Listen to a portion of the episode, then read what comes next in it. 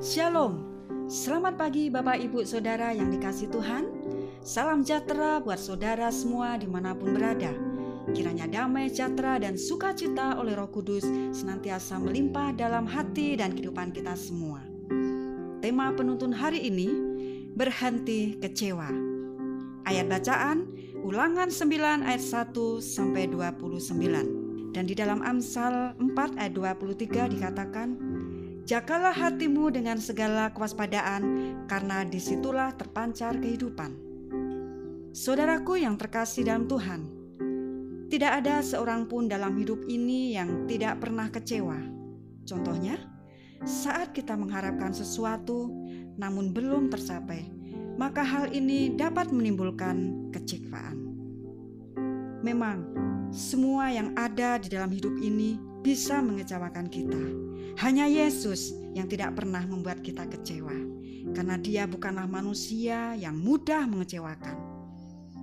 Oleh karenanya, kita harus belajar dalam hidup ini. Bila semuanya tidak berjalan sesuai dengan apa yang kita inginkan, janganlah kiranya kita kecewa. Sebab kekecewaan yang akan membuat kita menjadi pesimis dalam menghadapi hidup ini. Saudaraku yang terkasih, saat kecewa itu dirasakan, secara tidak langsung hal ini dapat menyebabkan kita mengalami kepahitan dan akhirnya akan merugikan diri sendiri. Maka itu, janganlah pernah menyimpan kepahitan. Bebaskan hati kita dari rasa kecewa.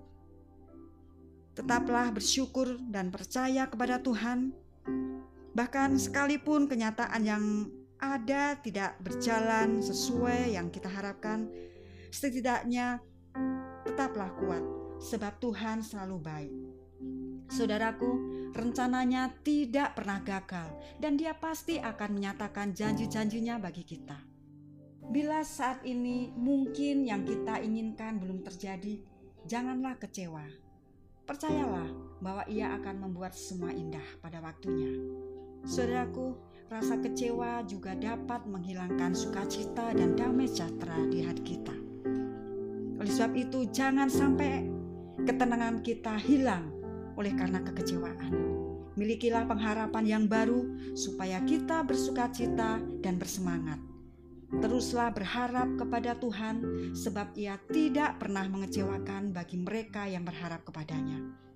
Saudaraku, agar tidak gampang kecewa, kita harus menjaga hati kita dengan segala kewaspadaan di dalam Amsal 4 ayat 23 yaitu dengan menjaga sesuai dengan kebenaran firman Tuhan saat hati kita terus dipenuhi dengan janjinya Tuhan maka kita akan kuat dan tidak mudah kecewa selain itu berhentilah berharap kepada manusia sebaliknya lebih banyaklah berharap hanya kepada Tuhan sebagai sumber segalanya. Saudaraku, di dalam hidup ini hendaklah kita berfokus hanya kepada Tuhan Yesus. Terutama dalam menghadapi setiap masalah yang dapat membuat kita kecewa. Karena bersamanya kita tidak akan pernah dikecewakan. Hanya Tuhan yang sanggup memulihkan hati yang kecewa serta mengubahkan kekecewaan menjadi sukacita. Saudara, dia juga akan memberikan damainya bagi kita. Jadi mulailah saat ini. Berhentilah untuk kecewa. Mari kita menjalani kehidupan ini tanpa ada rasa kecewa apa pun. Serahkanlah seluruh masalah kita, persoalan hidup kita hanya kepada Tuhan. Karena di dalam dia kita akan dia ada jawaban yang sungguh luar biasa dan dia yang sanggup membebaskan apa pun masalah di dalam hidup kita. Amin. Mari kita berdoa.